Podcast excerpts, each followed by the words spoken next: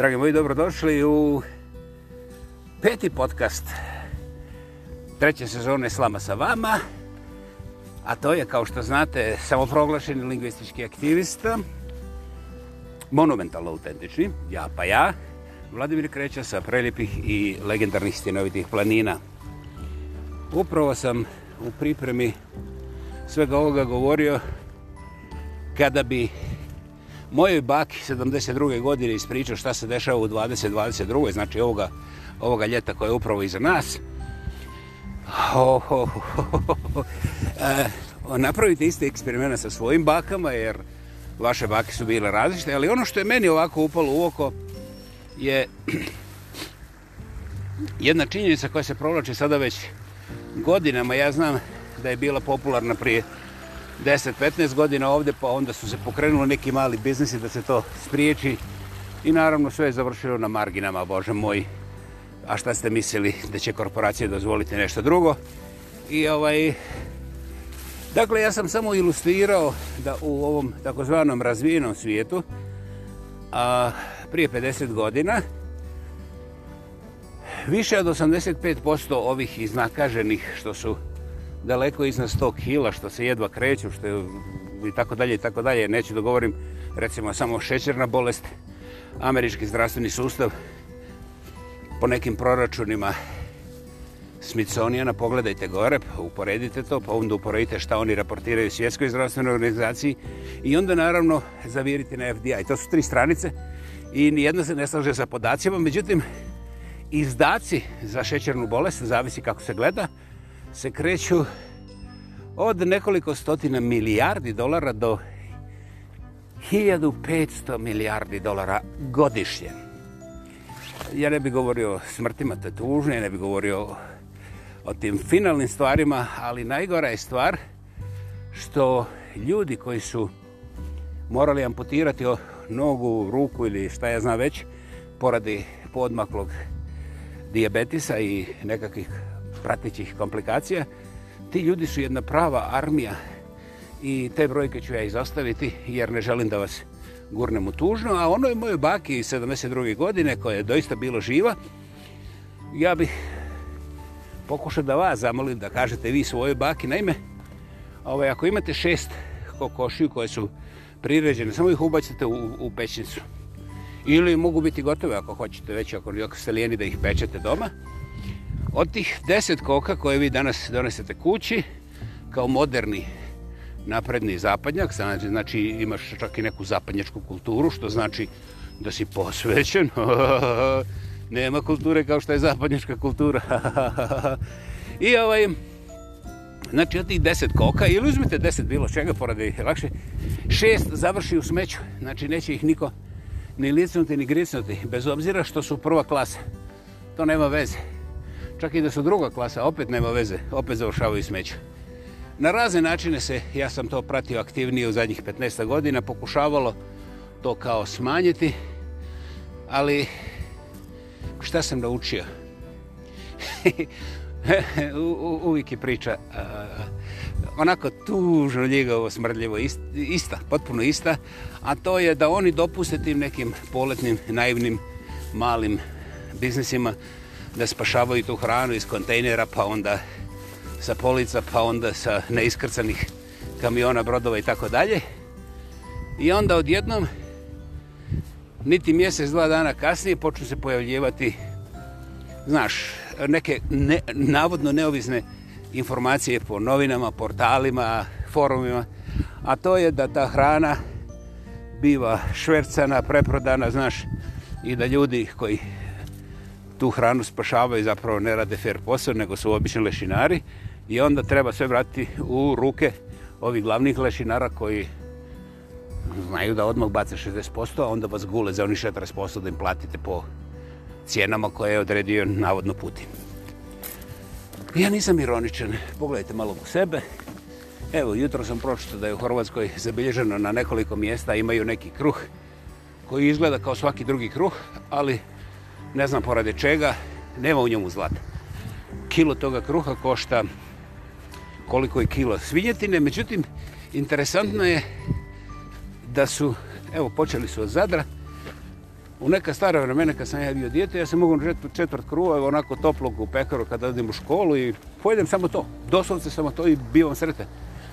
Međutim, u Zadru pekare objavile danas, ne sjeću kruh. Znači, ako nemaš para da kupiš cijeli kruh, nećeš kupiti ni šnitu, ni četvrt, ni ništa.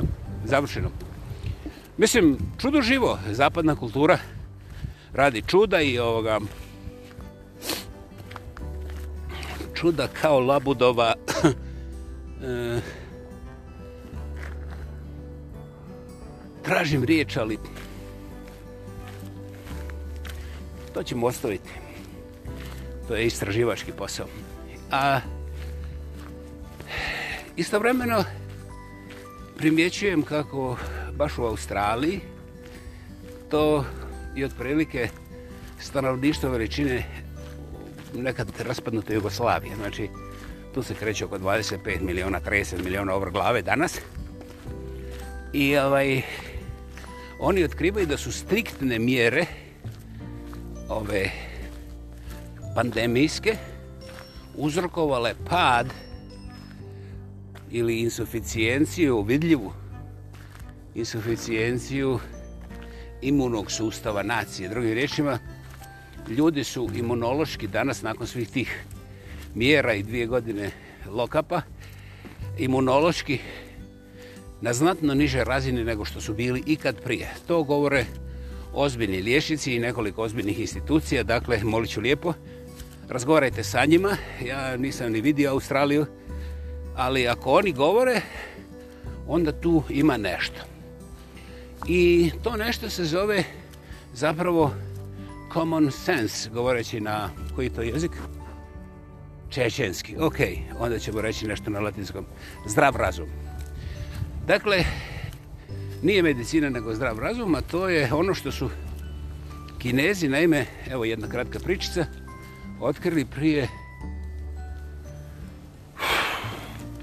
hiljadića godina, možda i više. Ali nećemo sad od tačan datom. Ja ne znam da li je bio četvrtak ili petak, kada su oni siti što, inače, male boginje, smallpox, su ubijale i egipatske faraone. I bile su nemilosrdne i nije bilo lijeka. I kada zahvati jednu populaciju u jednom gradu ili zoni, onda ide kao požar. I garantirano ubija oko 30% kao minimum. Ono što god oni radili, ti koji su malo slabiji za smallpox, po bilo kojem pitanju, inače ubija jednako djecu, starce i sve one između. I smallpox su tako terorizirale čovečanstvo potpuno neometano, barem dvije do tri tisuće godina dok se kineski ovi vračevi nisu sjetili da promatraju šta se dešava jer su im umirali i ovi vladari, a ne samo puk. I onda su oni primijetili, to je bio prva stvar negde oko 900 godina naše ere, kada su oni primijetili i onda su to pratili još duže vremena i to se potvrdilo i to je ušlo kao konstanta u borbi protiv smallpoxa, jedan detalj. Čovac koji je preživio te male boginje, znači koji ih je imao pa je preživio, znači za sedam dana do 30 dana obično, ili će geknuti u to vremenu ili će ovaj, preboljeti.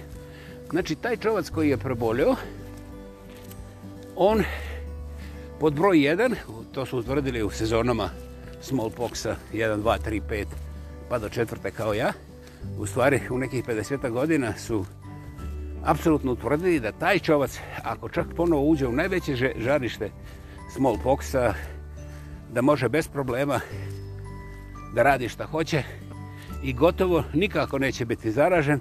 A ako se nekim slučajem desi e, da, da uhvati u nekom posebno teškom obliku, onda to biva eto tek toliko primjetljivo, a ne nanosi nikakve štete. I nakon razno razne stvari, oni su, ja sad neću pričati jer su detalji zanimljivi, detalji su me rastorili, uživam u tome. Oni su otkrili da mogu ove ljude sa slabijim simptomima, tako je počelo, privesti potpuno zdravim ljudima pa ih zaraziti i onda, bez obzira na rizike, taj dio populacije postaje otporni. Jer nešto su morali raditi da im ne umre još jedan kralj ili vladar ili taj neki velmoža, šta ja znam, to, tako su radili.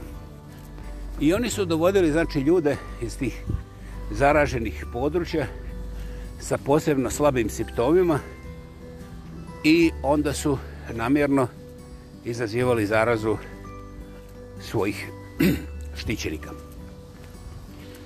To je u stvari po definiciji vakcina. Oni to nisu zvali vakcina, ali eto ga, vraže, To je to. I onda su primijetili da to ima dosta svojih negativnosti. Naravno da su im ljudi umirali, međutim, rezultati su već na prvom koraku bili dramatično bolji. Naime, u grupi u kojoj je bez tih slabo zaraženih prethodnih stotinama godina umiralo barem, barem 30% ljudi, oni su odjednom imali procenat koji je bio jedna cijefra, znači manje od 10%. I to je normalno bio ogroman broj. To je ogroman broj. Onda su se oni sjetili, pošto preseljavanje tih ljudi košta, pošto ti ljudi ovaj, putovanjem dobivaju žešće oblike, pa ne stignu svi na odradište, e, možete već zamisliti sve redom. Oni su zamislili da idu na lice mjesta i da skinu kraste sa tih ljudi koji su zaraženi smallpoxom, da ih samelju i onda da ih kroz malu cijevčicu upuhivaju u nos. To je imalo svoj obrad, to je imalo svoje ime, nećemo o tome, to će biti poseban blog, ovaj, pardon, podcast, ne blog. I rezultati su bili još bolji, gotovo nevjerovatni. Oni su to ponudili Evropi koja je početkom milenijuma, znači 1100, 1200, 300 imala vrlo žestok problem. Na kraju krajeva smallpox se obtužuju za milijardu do milijardu i po mrtvih u zadnjih 2000 godina. I to svakdje na ovoj planeti. Bogati i siromašni. I razno razne legende su vezane te smallpoxe. I onda, oni su to ponudili Marku Polu kad je dolazio, jer naravno bilo je problema. Čak je bio upetljani Aleksandar Veliki na svoj način, ali i to je neka druga priča. Uglavnom, Evropjani su to glatko odbili kao uh, uh, uh. glupi rižedi, hoće slamkom da napušu kroz nos, razumiješ, mislim, i tako dalje. Um, prosudite sami kako je to završilo. E, u Evropu je vakcina stigla eh, zapravo gotovo 500 godina kasnije, kada je, naravno, ovaj sistem se tu i tamo u nekim malim mjestima ovomu i onamo pojavljivo, jer ljudi su tijeli preživjeti, ljudi su slušali, ljudi su putovali u ta vremena, nije bilo interneta, ali ništa značajno na širem planu. I onda, 1700. neke godine, ovaj, pošto su Englezi imali te svoje kolonije svuda i pošto je ta bolest bila prije svega ubitačna, ubijela im je radnu snagu, jer oni nisu mogli da kupe nove mašine i traktore, mislim, u to vrijeme je bilo važno koliko imaš ljudi posebno u Indiji. Onda Afrika, normalno i tako dalje. I šta su oni radili? Jedan engleski učevnjak je zapravo otkrio da smallpox bakterija, on je to promatrao preko jednog francuza koji je ispričao da u svim tim zaraženim zonama ove žene što muzu krave, gotovo nikad nisu dobivale smallpox. Tako je to počelo. I onda je taj Engles promatrač to izvršio promatranja, nemam pojma kako se zove, googlajte. I onda je on utvrdio da taj blaži oblik smallpoxa je na vanjskom vimenu od krava i u stvari to kreira imunitet kod tih e, žena koje muzu krave. I onda je on smislio da tako ulovi taj bakcil, nazovimo ga, iako nemam pojma kako se, kako se biološki precizno zove, i onda ga zarezuje lagano kroz kožu, umjesto da se šta je znam upuhava i tako dalje, to mu nije padalo na pamet, nego se samo malo raskrvari ovaj I kako je to otkrio? To je otkrio preko Turaka koji su imali svoju zaštitu u svojim kupatilima bila je to Lady Godiva koja je donela u Englesku i tek kada je jedna od kraljica pristala da na taj način imunizira svoje šestero djece ona više nije bila zločinac jer ona nije bila medicinski stručnjak ona je primijetila da u Turskoj u tog vremena znači 1780 neke ili 90 ona je primijetila da Turci idu u te zajedničke turske turska kupatila i onda imaju tu igru gdje e, malo zakinu kožu i u toj zajedničkoj vodi. Tako je ona zaključila. I zaključila ispravno. I tako je u stvari nastao princip koji je razio ovaj engleski naučnik da se koža malo zareže i onda taj bakcil ili taj swab sa vimena da se ubaci. Mislim, još uvijek nisu bili ni ampule ni, ni šprice, ali znalo se jasno šta se radi i tako je nastala vakcina, tada su i prozvali vakcina zbog toga što je vakcinus, mužnikus i tako dalje, latinski naziv za kravu koji morate provjeriti jer ovo je moj odokativni ovaj izgovor, tako da ja kao lingvistički aktivista u ovom momentu nemam, nemam precizan i provjeren lingvistički element sa latinskog za kravu, ali u, u, u suštini vakcine je ime, latinsko ime za kravu. Eto, to je sigurno točno. I ovaj, e, koristi su bile nevjerovatne svega toga. Koristi su bile nevjerovatne. Zamislite radnu snagu koja preživi, koliko to onda donosi kraljevstvu, koliko to onda donosi... E, ne bih rekao čovječanstvo, uzdržavam se zbog masu razloga, opet to je neka druga emisija, neki drugi podcast, ali eto vidite, tako smo došli do toga. Mi, barem barem ja u mojej generaciji u školama, nismo naučili ništa. Ne zato što ja nisam bio u medicinskoj školi, nego nemam pojma, nisam nikad čuo. Nisam nikad čuo da neko raspravlja, uglavnom sam raspravljao nekim drugim tevetim, 97. stvarima. I zašto ja to vama pričam danas? Pa znate, između ostaloga, evo ova vijest iz Australije, da nam je Australija stručno i zvanično priopćila kako su izmjerili da je nacionalni imunitet vidljivo opao u dvije godine lockdowna, znači kada su ljudi bili izolirani sami sa sobom. Što samo po sebi govori ono što je bi moja baka prije 50 godina znala glatko, naravno bez biokemijskog i nekih drugih ovih specijalnih znanosti i objašnjenja. Kada ljude zatvoriš i odvojiš jedne od drugih, onda se dešava multidisciplinarna deterioracija ne samo čovjeka, nego i cijeloga društva. Dobro ste čuli. Kako bi ja to mogo provesti na ovaj jezik za specijalno umovne? Pa, evo, uzimo ovako. Neko isprazni Pariz, dobro ste čuli, isprazni ga, onda ga zatvori hermetički, da on niko ne može ući, ali niko ne može izaći. I onda stavi tebe unutra. Evo da se već ne osjećaš dobro. Nema kurvi, nema kockara, nema vrte ni kriminalaca, nema ni popova, nema ni lopova, čak i političari nestali. I to iz tog momenta, barem depresija, znači nema infekcije, ali opadaš. Nemaš više um, impulsa da izađeš van, jer mislim, sve stoji aha, ti možda znaš bilo koji Mercedes, jeste. I da odeš gdje, do te kapije gdje je zatvoreno sve, da plačeš, vičeš, neće niko otvoriti, ništa se neće desiti. Dakle, kad pokušaš tih par stvari, nakon samo 48 sati, 90% ljudi sjedi i bleji, čak i bez hrane. Dakle, ovo možete primijeti, ovo je malo e, pojednostavljen opis, Ali ovo možete primijetiti na taj lockdown. Šta ja kažem, da treba ljude pustiti da se međusno zarazuju? Ne, ja to nikad ne bih rekao. Znate što zbog čega?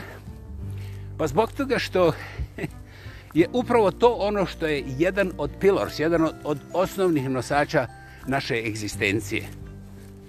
Otkud ja to znam.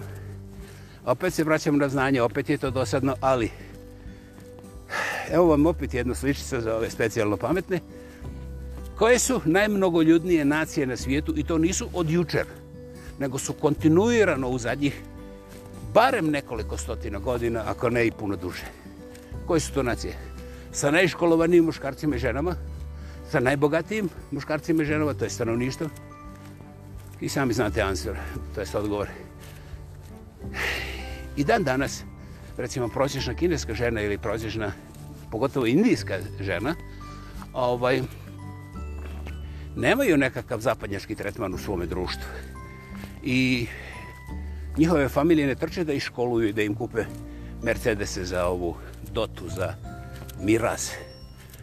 I opet te žene izlače najmnogoljudniju i najzdraviju naciju i jednu i drugu na ovoj planeti. Hm, lijepo. I sad bih im kao što, pa dok je to, Jeste, sve je lako, dragi moji, ali ima nekoliko stvari od kojih ja neću da se uplećem u puno, ne zanima me. Ja ću samo uzeti ono što je Bogom dano, a to je vakcina.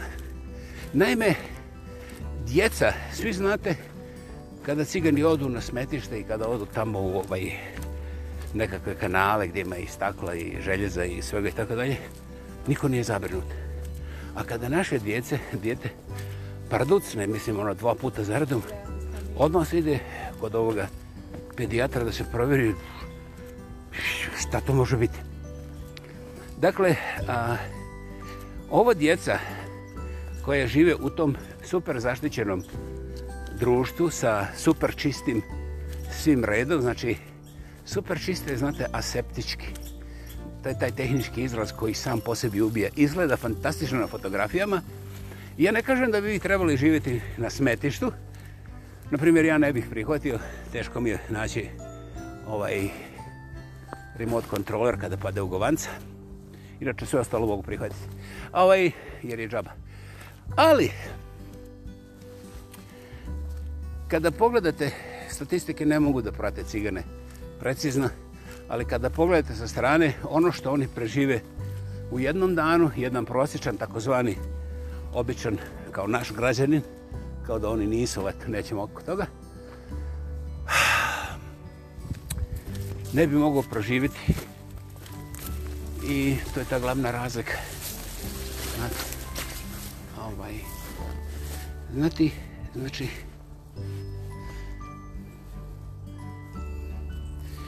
o čemu se radi? A prije nego što to kažem, ja ću vam skrenuti pozornost kada gledate djecu u, u, u, u Indiji i u Kini. To je, mislim, nikad nećete vidjeti djete da se samo igra, da je izolirano. To su uvijek nevjerovatne grupe. Ovaj. I djeca su puštena da budu skupa. I ono što je još interesantno, svi oblici devijacija, čak i onih psihijatarski, kao što je recimo pedofilija, kriminalno ovaj, psihijatarski, su nevjerovatno marginalne pojave u odnosu na ono što se dešava u ovom razvijenom kulturnom naprednom društvu. Ali ono što je glavno od početka i vijeka i čovjeka je da te žene, kineske i indijske, gotovo da nemaju pojma šta je to carski rez. Dakle, djeca se rađaju um, normalnim putem i dok izlaze iz majčine utrobe, oni su uh, već zaraženi sa bakcilima koje se nalaze tu u uterusu i to je to prvo prirodno vakciniranje koje je prisutno u životu svih, apsolutno svih uh, ovih a, uh, sličnih životinja, da ne kažem mamals, jeli, ovaj, I to je jedna od činjenica koju nas nisu naučili dobro. A kada pogledate u modernom svijetu, to su sad već dobre statistike u Sjevernoj Americi i Zapadnoj Europi, ovaj, interesantna je brojka. Djeca koja su rođene carskim rezom, generalno, generalno se brojka kreće oko 30% a ovaj, veća a, podložnost bolestima i 30% manji podložnost manje snažan imunitet. Pazite, interesantna brojka. A, ovaj, a to je ozbiljna brojka, to je velika brojka. I to dokazuje, između ostalih drugih stvari u kojima ja ne želim, ne, ne želim ulaziti, jer ovaj, akušerstvo nije ni ciljnje svrha ovoga podcasta. I ovaj, znači, te bakterije u uterosu su, znači, bogom dane da djetetu daju taj okus kiselosti i nesređenosti uh, E, Kiselost je ovdje figurativno, nije doslovno. Ovaj, toga vanjskog svijeta. Ja bih samo naglasio da u Kanadi postoji jedan otok koji se nalazi 250 km u Pacifiku, gore sjevernom ispod, ispod Aljaske, opet 300-400 km ispod Aleuta. Znači potpuno izoliran gdje su gdje jedno pleme živi po nekim procjenama 6 do 8 tisuća godina i kada su Španci prije 150, 170 godina došli gore, oni nisu došli da pucaju, da ubijaju i da pljačkaju. Tu nije bilo zlata. Tu je bilo ribe i, i drva i vode što njima trebalo. Oni nisu nikoga dirnuli i to pleme je upravo u tom momentu ovaj, doživjelo nevjerovatnu bolest koju niko nije mogo da objasni, u to vrijeme normalno. I gotovo 80% svih ljudi na tom otoku Haida Guaj, koje je veličine Belgije kad se sve skupi. E, Belgija danas ima koliko? 16 miliona stanovnika. Ti ljudi su pocrkali doslovce, niko ih ni dirno. U čemu je što se? Pa mi to ta, danas znamo. Njihov imunitet jednostavno nije mogo da prepozna bakterije koje su ovi donijeli. A španci nisu tresili svoje bakterije tako što su išli da se ljube okolo i tako dalje. Oni su samo pristali da uzmu vodu i da vide je li mogu uloviti šta divljači ili da kupe ribe od tih seljaka i da nastave svoju, svoj, svoj pohod. A ovaj, I dan danas se osjeća, osjećaju tragovi toga velikog i pogubnog momenta u historiji plemena Haida Gwai. E, ostrovo je isto se zove, ponekad na Google ćete vidjeti pri, e, Queen Charlotte Island i pogledajte izmežaga pa ćete vidjeti. Dakle, šta sam ja htio reći? Ovi vaši ljepotani koji su vas zatvarali sobe da bi vas spasili od vas samih, a ovaj, učinili su kriminal, um, učinili su kriminal u interesu korporacija i financijskih majmuna pozadi tih korporacija koji su precizno znali šta rade i to nije bilo smanjivanje broja korporacija stanovništva, niti prodavanje ovih eh, G5 ili ne znam koje već gluposti, nego je vrlo jednostavna stvar. Malo vodice prodati skuplje od zlata, to je ta vakcinacija, i onda imati polu objašnjenje, uniti sumnju u stanovništvo, razjediniti ljude i umeđu vremenu uništiti manje biznise koji nemaju zalihu novaca kao korporacije koje se globalno čuvaju jedne drugoj guzu. I to je stvari, stvari bila kompletna industrijska, ali sociološko-industrijska revolucija, ja bih ih nazvao kontrarevolucijom, a najbolje bi bilo da je to, to, je, to je jedan puć, to je jedan brutalni puć jedne grupe ljudi koji su sve to učinili zbog novca. A, nijedan od ovih nije zaplakao nad stotinama tisuća ljudi koji su ne samo umrli, nego ostali invalidi zbog tih vakcinacija. Sada su brojke više nego ozbiljne i stižu sa svih strana. Ali umjesto da ja detaljiziram o nečemu, pogledajte, Afrika je imala manje od 10% vakcina od onoga što je imao cijeli ostatak svijeta. I kad pogledate koliko je Afrika imala žrtvi, znači najsiromašnija, najnezaštićenija, nema čak ni čiste vode sanitarne, treba li vam šta više, više kao dokaz?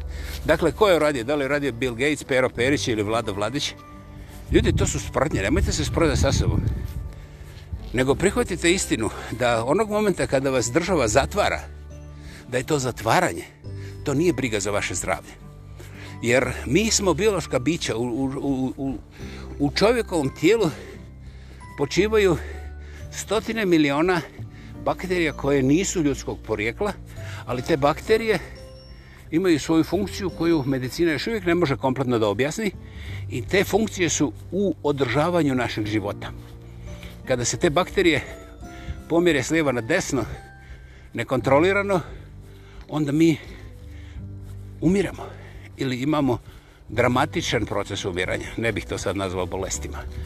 Dakle, mi smo odustali da budemo ljudi, nego smo kao ovce pristali na lockdownu. Boom! A, da li ja tvrdim da mi trebamo bolesne voditi kod zdravih, pa onda da stvaramo imunitet? Za Boga miloga, možda ste primijetili da ja nisam kinez. Ali istovremeno, ako govorimo o normalnom odnosu čovjeka prema čovjeku, bolesni obično sami ili ih familija nekako odgura do bolnice. Ako bolnica ne može da ih primi, onda će biti neki šator u okolici bolnice. Svaka država ima vojsku, a ako nema vojsku, imaju šatore garante. I onda je to lokalizirano u onom smislu u kojem ima smisla.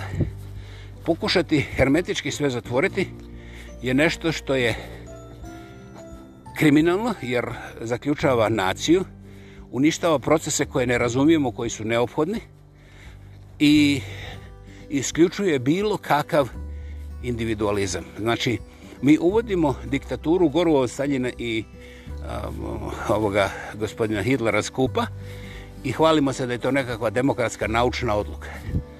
Znate, da li imamo obzira prema životima? Slušajte, da li sam ja malo čas plakao kad sam primijetio da Afrika, koja je sirotinja, koja nije imala ni 10% što su imali drugi u smislu vakcine, preživjela i da nema takvih problema i da nema posljedica. Da li je neko primijetio da je afrički imunitet opao? Naprimjer, kao što je australijski. Nije. Dakle, dragi moji, imate nekoliko stvari za razmišljanje. Pogledajte okolo i meni je žao što moram ponoviti. Svako državno zatvaranje, dekret kojim se zatvara cijela nacija, spriječava ovo, zatvara ono, je upravo to, represija. I ta represija se tumači kao nužnost vašeg zdravlja, maltene preživljavanje. To nikad nije bilo tako. Znate, pogledajte cijelu povijest. E, zbog čega smo mi lijeni? Pa zato što smo debele guzice. Zato što se plašimo da sutra neće biti jeftinijeg popkorna kad idemo u kino ili nećemo moći kupiti po štetu za dolar dva. I mi smo kao kokoši. A vrijeme časno čovjeka s obrazom i karakterom je prošlo. Mi smo velike guzice, mi smo naučeni da moramo kupiti to i to, jer naš susjedi kupio baš to i to. I mi vodimo milion tih malih ratova sa tim nekakvim ogledalcima, kao indijanci prije 150-200 godina ovdje. I Bože moj, to onda ima svoju cijenu. Da li tako želite da vas vaša djeca zapamte, to je vaše pitanje. Ovo definitivno nije političko pitanje, ovo je egzistencijalno pitanje. I vi, ako sami sa sobom niste načisto da li je ovo činjenično stvarnost, onda normalno prelaz, vi ste žrtva za sljedećih besk, beskrajni broj bulazni, naravno, tamo vodite i svoju familiju i to je ono što ostaje za vas kao nasljeđe. Znači, neka djeca koja prežive sve pa pogledaju, oni čak neće se ni sprdati sa vama, bit će ih sramota da pomenu odakle su došli. A, vrijeme je da razmislite za sebe, provjerite ove činjice koje sam ja rekao, I nemojte upadati u biokemijske detalje, jer kada sjednete u kadilak, nikad vam nije palo napome da vidite zašto je paljenje u kadilaku otprilike za 3,16 radijana manje nego recimo u Fići. I sad me pitate šta to znači. Evo ga, već smo zalutali. Međutim, ako te neko iz kadilaka stavi u Fiću, tebi to paljenje neće značiti ništa. I odmah vidiš milion razlika. Naravno i obrnuto. Dakle, dragi moji, pogledajte. Pogledajte, imate sve. Hvala vam na strpljenju. Jeste, probili smo 3000 i ovoga... Dešava se puno toga. Ja ću nastaviti da proizvodim. Pa ćemo vidjeti šta ćemo sa brojevima. Nadam se da ste imali dobro ljeto. Meni je jučer bilo sunčano. Znojio sam se kratke rukave. Danas, evo, počela kišica. Obukao sam i gunj i džemper. I a sutra se lako može desiti i snijeg, sasvim normalno za Kanadu, ali ja se nadam da je kod vas još uvijek sunčano. Dakle, bila je ovo Slama sa vama, treća sezona, peti put. Samo proglašeni lingvistički aktivista, monumental autentični, ja pa ja Vladimir Kreća sa predivnih i legendarnih stinovitih planina. Sve najljepše, sve najbolje, čujemo se vrlo brzo. Hvala.